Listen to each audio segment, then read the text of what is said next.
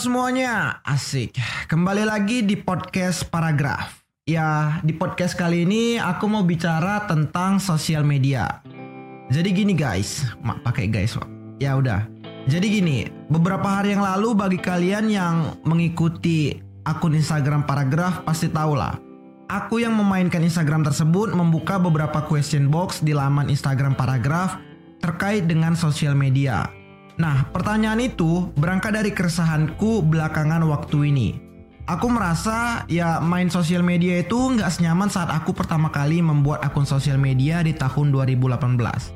Ini konteksnya Instagram, bukan sosial media lainnya.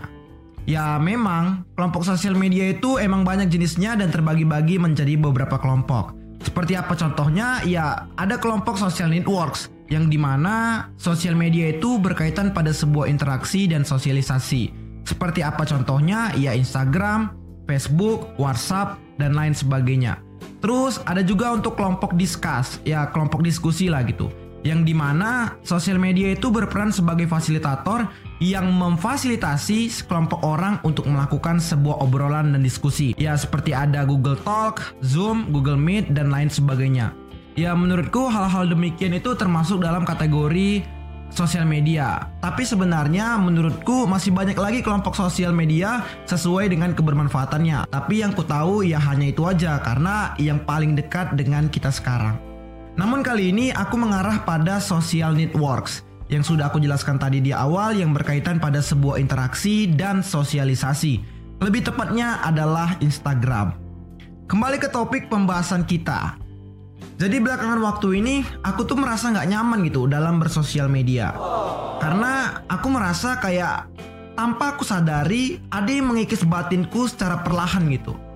Nama Instagramku itu adalah Ronaldo ANTS.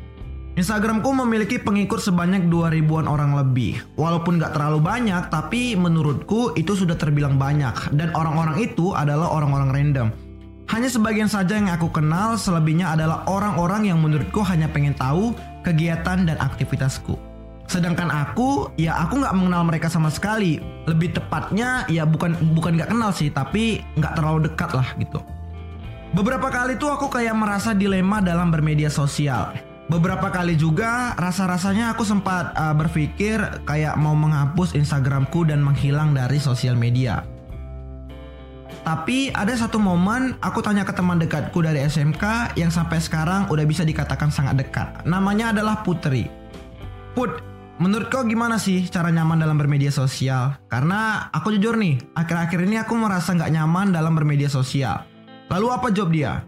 Ya udah Sinal katanya. Katanya kayak gitu. Ngapain juga kok pikirin mereka? Ya menurutku urus aja urusanmu dan biarkan aja orang lain bicara apa tentangmu. Karena Menurutku pribadi kata dia nih, yang tahu dirimu itu adalah dirimu sendiri, bukan mereka.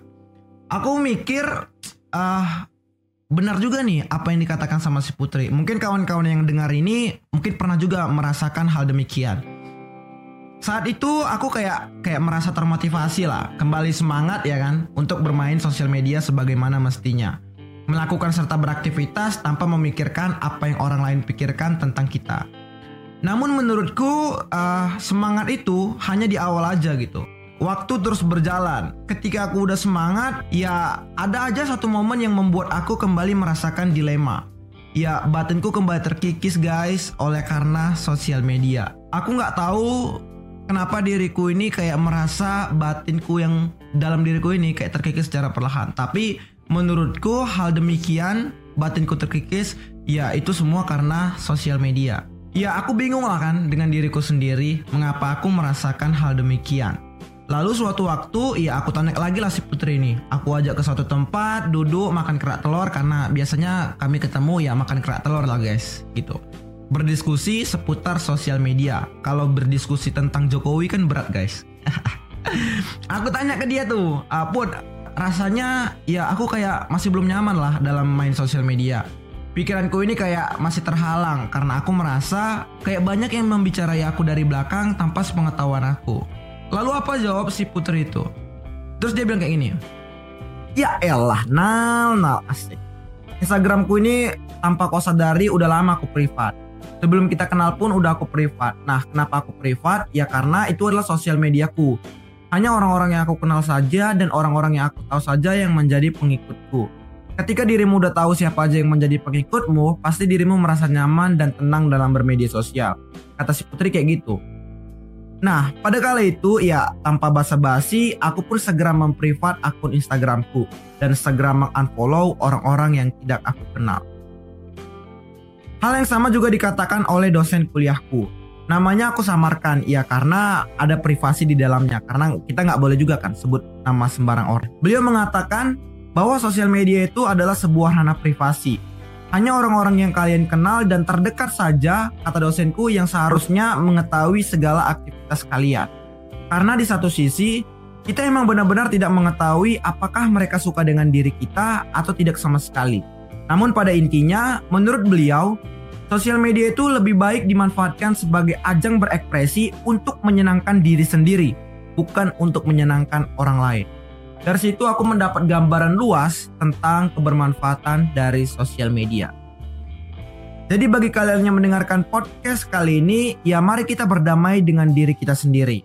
Anda ya Anda, saya ya saya. Everything can be control your social media, ya it's you, yourself, not other people. So, aku membuat kesimpulan bahwa aku harus membatasi orang-orang yang tidak aku kenal untuk tidak mengetahui aktivitasku di sosial media.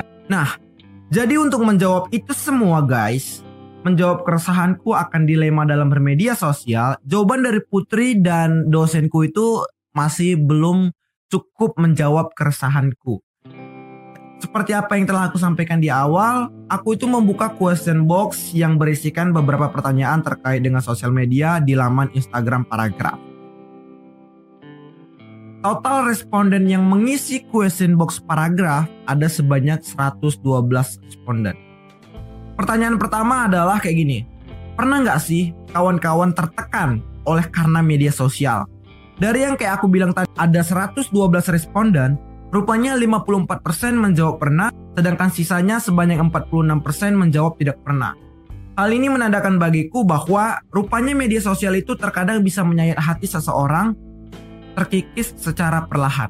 Karena dari 112 responden hampir setengahnya nih menjawab kalau batinnya pernah merasa tertekan oleh karena sosial media. Aku nggak tahu lah bagi kalian yang mendengarkan podcast kali ini, mungkin kalian juga pernah merasakan hal demikian. Aku ngerasanya kayak gitu. Tanpa kita sadari, sosial media ini kayak merusak psikis kita secara perlahan. Oleh karena itu, kita harus bisa mengontrolnya, guys. Pertanyaan kedua adalah, jika akun sosial media kalian tidak di privat, apakah sobat paragraf merasa nyaman dalam bermedia sosial? Nah, yang uniknya di sini nih. Jawaban dari kawan-kawan sekalian ada sebanyak 62% tetap merasa nyaman gitu. Dan sebanyak 38% menjawab tidak nyaman. Lebih dominan ke kata nyaman. Apa artinya? Aku mengartikannya bahwa nyaman atau tidak nyamannya dalam bermedia sosial itu bukan terletak pada privasi atau tidak privasinya sosial media itu, melainkan hanya sebatas persepsi seperti apa kita memainkan sosial media itu sendiri. Nah, next pertanyaan, ya aku merasa kayak butuh alasan mengapa akun Instagram di privat gitu. Apa alasannya? Dari sekian banyaknya jawaban, aku tuh hanya mengambil tiga sampel jawaban yang menurutku bagus dan tepat seperti apa yang aku rasakan selama ini. Ada yang mengatakan bahwa alasan dia memprivat akun Instagramnya karena jika akun Instagramnya tidak di privat, Menurut dia, yang follow itu adalah orang-orang aneh sehingga membuat dirinya takut dan khawatir. Nah, menurutku hal demikian ya benar sih, karena sometimes aku juga pernah merasakan hal yang sama dengan jawaban ini gitu. Gak pernah jumpa, gak pernah jalin komunikasi, namun rasa-rasanya orang-orang seperti ini yang mengikis batinku secara perlahan gitu. Seperti apa contohnya? Ya kayak misalkan nih, aku buat instastory. Orang yang tidak aku kenal yang tidak pernah jalin komunikasi itu dia selalu melihat instastoryku pertama kali. Nah kejadian itu nggak hanya terjadi satu dua kali, melainkan terjadi berulang kali. Aku khawatir di sana ya karena aku rasa kenapa mereka ngelihat instastory kita pertama kali padahal kita belum kenal. Apa alasan mereka? Berarti aku mengartikannya bahwa orang-orang ini yang memantau setiap aktivitas dan kegiatan kita.